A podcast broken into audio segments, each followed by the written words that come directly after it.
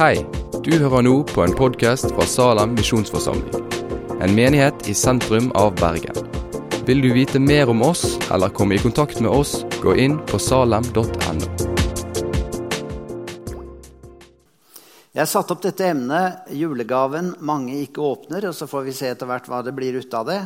Men et utgangspunkt for det jeg skal si, det er at jeg kom over på Internett en historie.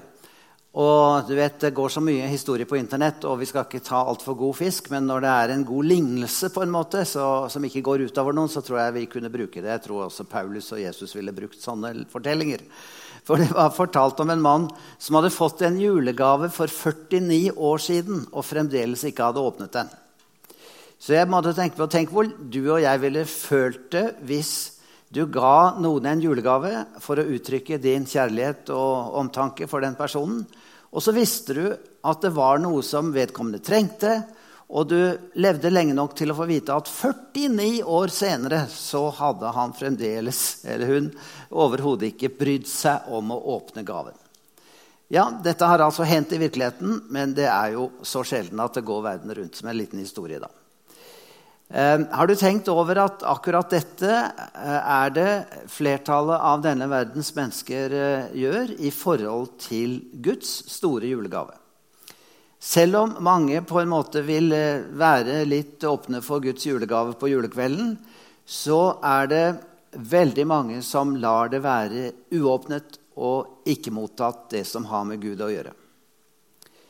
Så jeg vil jo si det for å si det viktigste først, at det som gjør en jul for deg og meg, det skjer i det øyeblikket vi åpner våre hjerter og tar imot Guds julegave eh, i åpenhet og takknemlighet. Den er gitt for 2000 år siden. Det er et faktum. Og det skjer når vi tar imot en sånn gave, når vi vender våre hjerter mot krybben og lar Kristus på en måte bli født på ny i våre hjerter, som eh, er en tanke som har kommet inn med pietismen og brorsans salmer. At eh, jeg ber om at Herren må bli født i meg, i mitt hjerte. Det er ikke mer enn en stall og krybbe, men der ønsker jeg at den blir født. En liten gutt så opp mot himmelen og spurte mor mamma, er Gud der oppe. Ja, Så måtte hun i grunnen bekrefte det, da. Jo, men så sa gutten, men ville det ikke vært fint om han stakk hodet ut og lar oss få se ham av og til? Eh, det som gutten ikke forsto, det er jo at Gud har latt oss få se ham i den personen som heter Jesus. Så han har stukket hodet ut av himmelen. Og ikke bare hodet, men han har kommet som et menneske. Og Det er dette jeg vil si litt ut fra et avsnitt i Skriften som jeg vil kalle for Paulus' versjon av juleevangeliet. Du vet du har juleevangeliet særlig i Lukasevangeliet, men også litt hos Matteus. Men Paulus er altså inne på det med denne litt teologiske uttalelsen. Galaterbrevet 4, vers 4 og 5. Hvis dere har Bibel, kan dere gjerne slå det opp. Der sier han det slik. Men i tidens fylde sendte Gud sin sønn, født av en kvinne og født under loven. Han skulle kjøpe fri dem som sto under loven, så vi kunne få retten til å være Guds barn. Jeg liker å forkynne slik at jeg tar det ofte ledd for ledd. sånn Tekstutleggende forkynnelse. og Det syns jeg den passer veldig godt til denne lille teksten her på to vers. Og da skal vi begynne med det uttrykket 'i tidens fylde'. Hva betyr det? Det betyr at når tiden var moden, eller da den var moden Keiser Augustus han hersket over det store romerske imperiet på den tiden, forteller Lukas.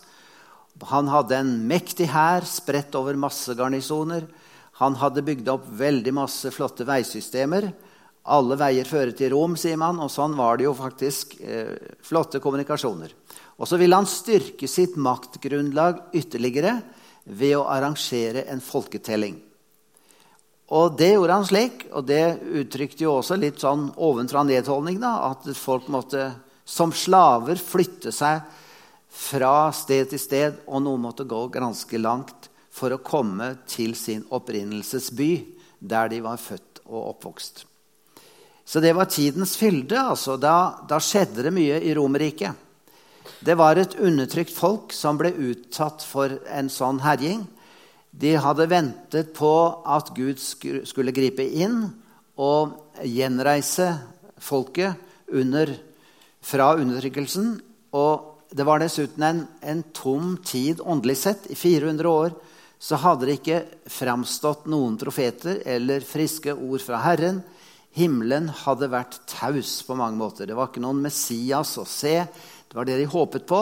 En salvet ny konge som skulle komme og kaste Romerrikets åk vekk og få nasjonen selvstendig igjen.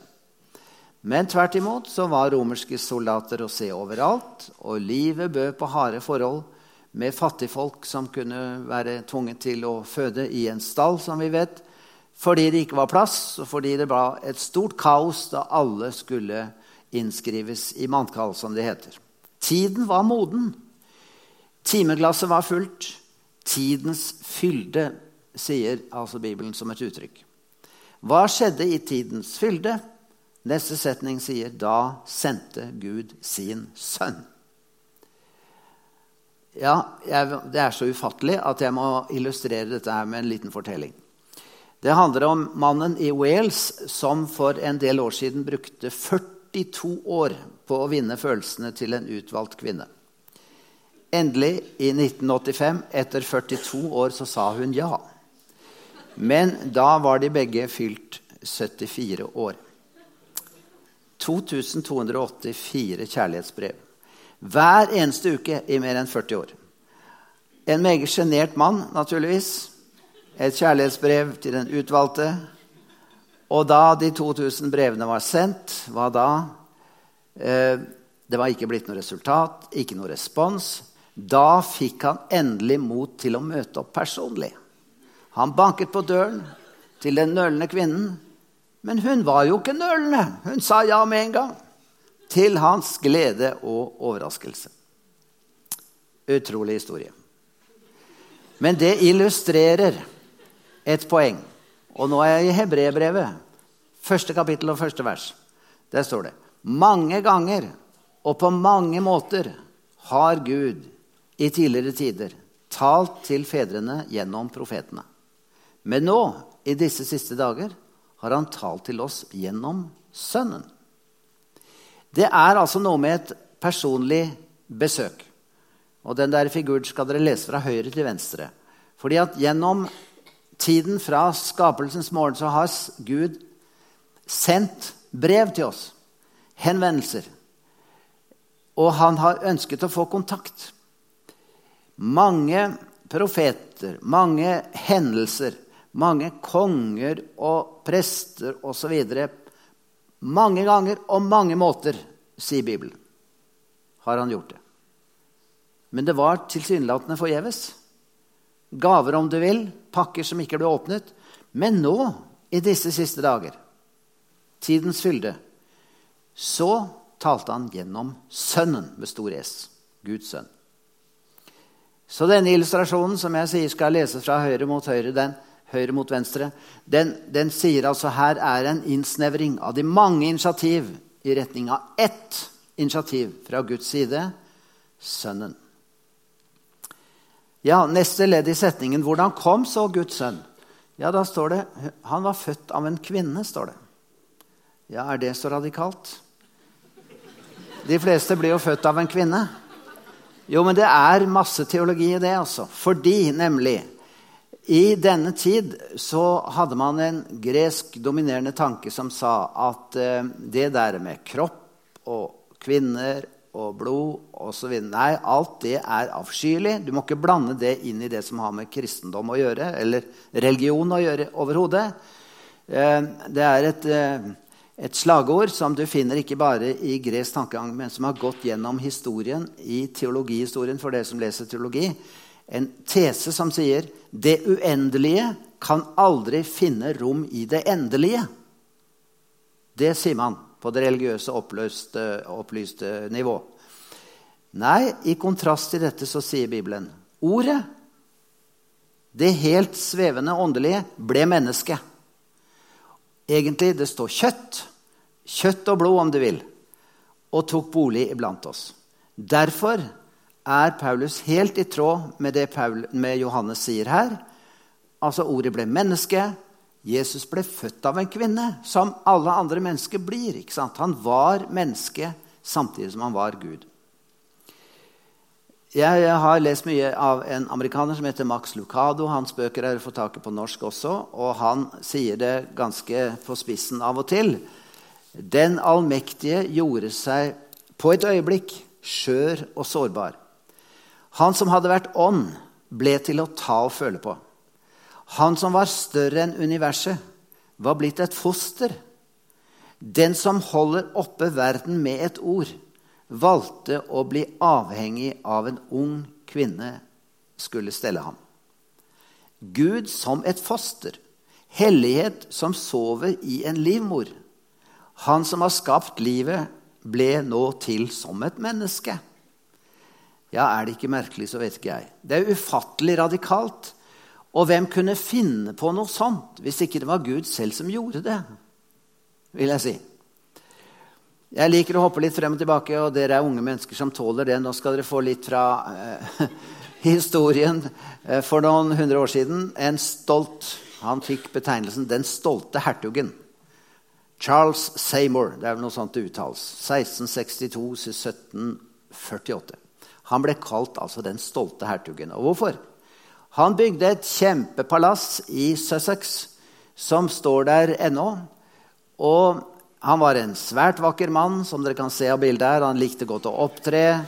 Han eh, hadde jo et sånt hår som enhver kvinne kunne misunne han, men altså Mannfolka brukte jo det eh, hvis de skulle være skikkelig topp.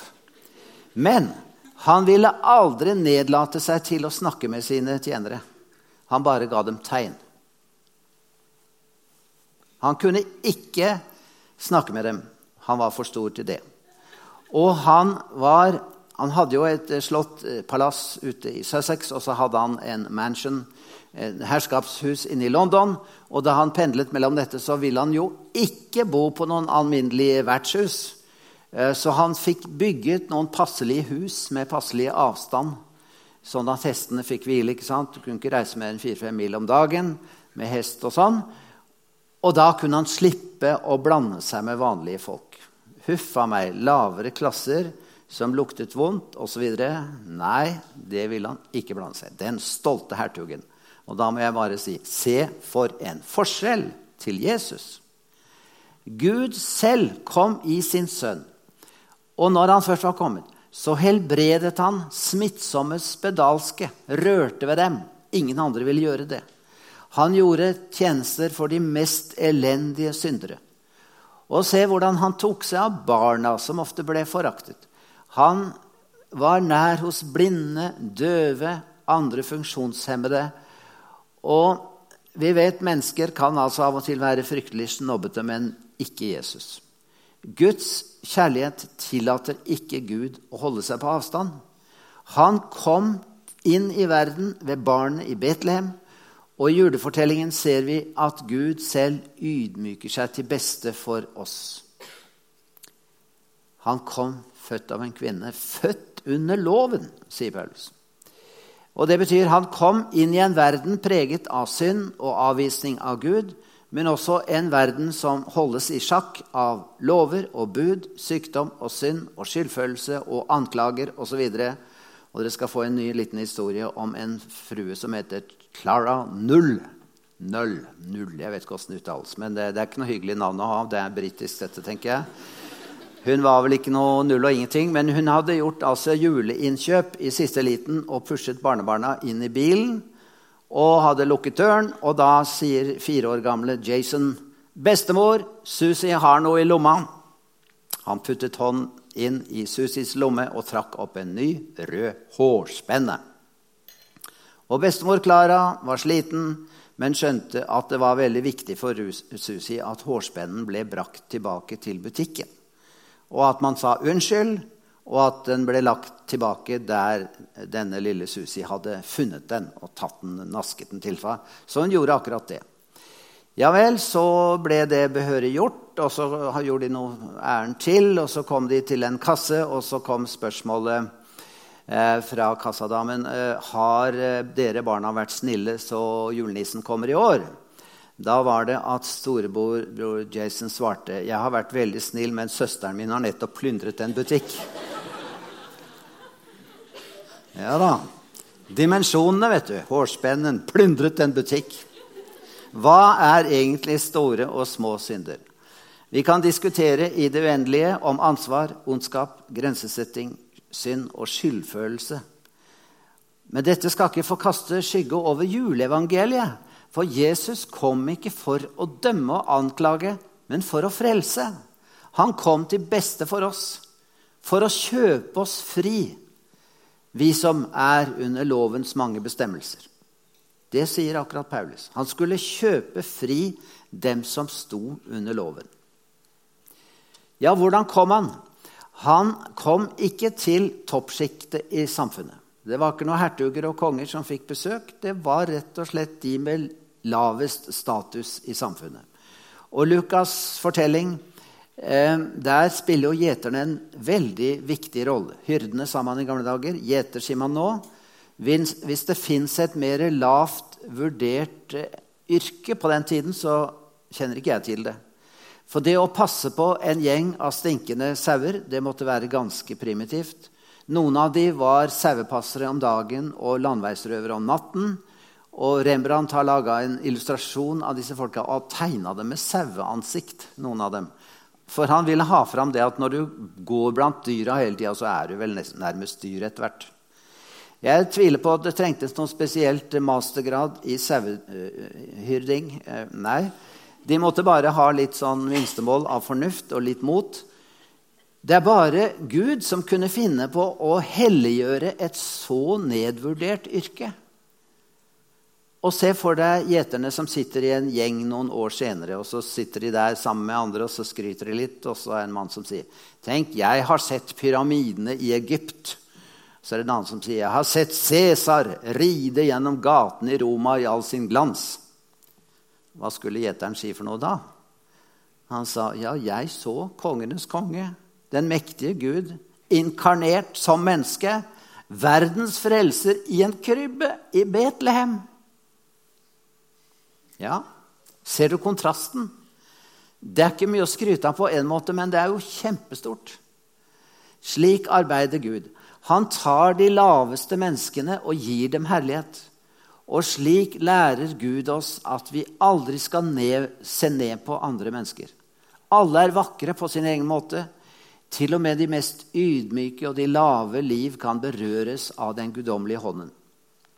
Du vet aldri når den personen som du stenger ute, kan bli den ene personen som du aller mest ville like å lære å kjenne. Men gjeterne viser seg altså da fra en flott side, ifølge Lukas. De trodde på at han var Guds sønn. De hørte englebudskapet, og de sa nå må vi sjekke om dette stemmer. Så dro de til Betlehem. Jo, de fant barnet, krybben, foreldrene. Og de skjønte dette må stemme. Ordet stemmer med fakta, som vi har sett det. Og Dermed så, så de at uh, Jesu fødsel uh, ga et signal til verden om håp, om evig fred, om en fred i alle mennesker som tror. Og, og Paulus sier da, som det siste leddet i denne kortversjonen av jule, juleevangeliet, så vi skulle få retten til å være Guds barn. For vi kan alltid stille det spørsmålet hvorfor skjedde dette? Svaret er her. Vi hvem som helst skulle få retten til å bli Guds barn. Her er han helt i tråd med Johannes, som skrev sitt evangelium, første kapittel, og hvor han skriver også et, en mektig juleevangelie på sin måte. Og så sier han alle dem som tok imot ham, altså Jesus, dem ga han rett til å bli Guds barn, de som tror på hans navn. Det er akkurat det samme som Paulus sier. Nå er vi på en måte Guds barn alle, fordi vi er jo skapt av Han. Så av og til synger vi jo det i barnesanger at vi er alle barn, vi er alle søsken. Og i en forstand så er det sant. Men vi kan bli barn på en mer ekte, dyp måte ved å bli både adoptert og født på ny inn i et farsforhold som faktisk gjenspeiler forholdet mellom Faderen og Sønnen, mellom Gud og Jesus. Og da åpner troen for noe fantastisk. At vi kan få Jesus som frelser og bror. Og så får vi et personlig barneforhold til, skaperen. Han som har skapt oss. At vi får være hans barn. Det er det store ved julens evangelium. Det er en italiener som heter Carlo Carretto, som har sagt det sånn for 500 år siden. Hvis Jesus er sann Gud, så blir alt klart for meg. Hvis jeg ikke kan tro dette, så blir alt mørkt igjen. Og sånn er det hvis du går riktig inn i det. For Det er mange som har sagt noe lignende. Enten var Jesus den han sa han var, Guds sønn, eller så var han verdens største bløffmaker og løgner. Og da lever vi bare i mørket. Vi har jo ikke noe å stole på da. Skal vi snakke litt generelt om gaver, så vet du, de uttrykker kjærligheten fra den som gir den. Eh, får jeg en gave fra noen, så skjønner jeg at du er glad i meg. Altså, vi har et, en relasjon. Du vil si noe vennlig til meg. Det andre er jo at en god gave skal fylle et visst behov hos den som får gaven. Det er derfor det er nesten umulig å finne gaver til de som har alt, eller som har råd til å kjøpe alt de vil. Det er noe så. Men altså Gud, når han gir gaver, så vet han både at han ved det uttrykker sin kjærlighet, og han gir oss det vi aller mest trenger. For hva slags behov har vi egentlig? Hvis vårt store behov som mennesker hadde vært kunnskap, så ville Gud gitt oss en lærer. Hvis vårt største behov lå på det teknologiske plan, så ville Gud gitt oss en ingeniør. Hvis vårt største behov hadde vært penger, så ville Gud gitt oss en økonom.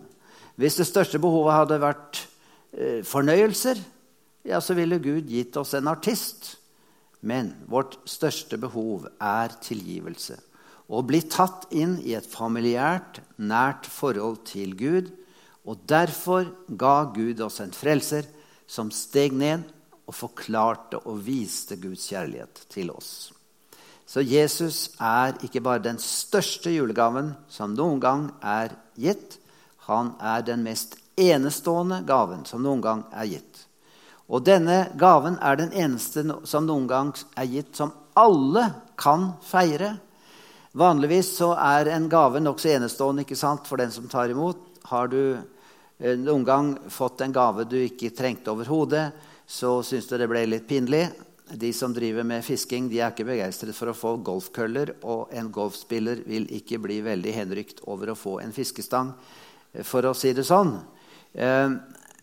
Men vi har fått en frelser som har sonet for syndene våre. Og det gjorde han på korset. Så sto han opp fra de døde, for opp til himmelen, som kunstneren har illustrert det her. Og nå sitter han ved Guds høyre hånd som talsmann for oss. Så Guds julegave det er en gave alle kan få et positivt forhold til. For den angår det viktigste de viktigste folkegruppene i verden. Bibelen har på en måte to folkegrupper. Det er jøder, som Jesus ble født i, og så er det hedninger.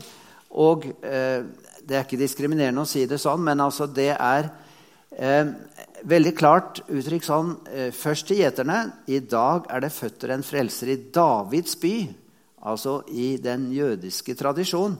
Betlehem. Han er Messias, Herren.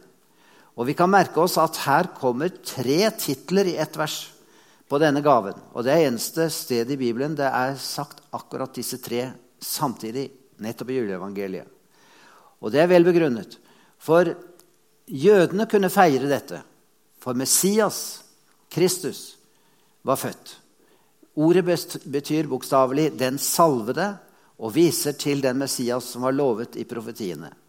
Han var arvingen til Davids trone, og dette var den ene som det var profetert om, som var lovet og forutsagt for å komme til var å bli en varig konge i Israel, lovet gjennom hele Det gamle testamentet. Men også hedningene kunne feire, fordi det var født en frelser for alle.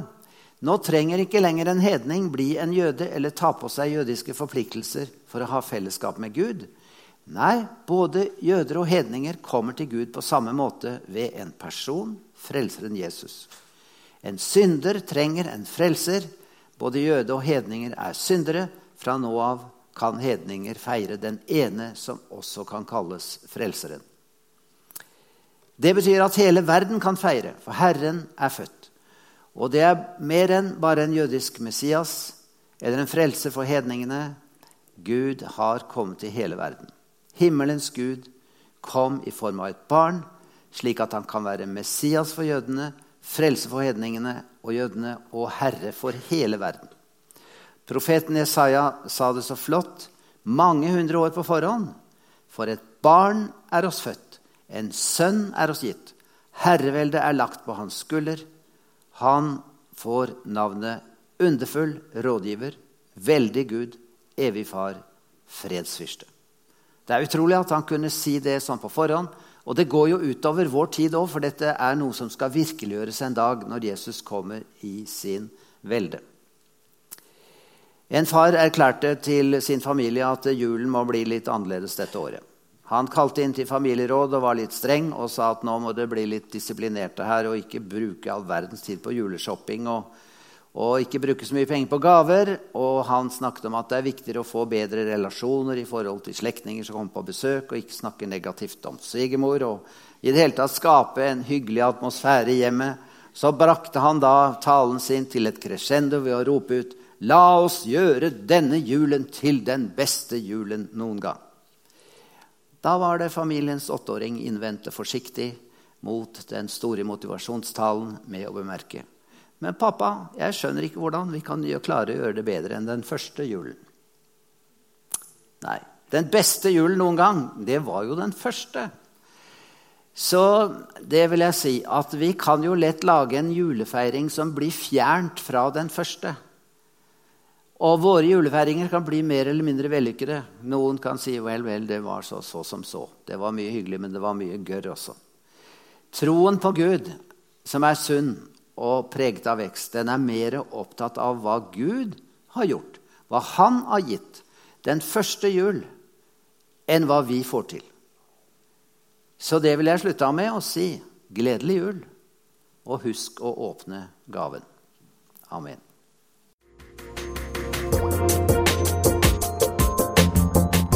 Takk for at du har hørt på podkasten fra Salem, Bergen. I Salem vil vi vokse i et stadig dypere fellesskap med Gud og med hverandre.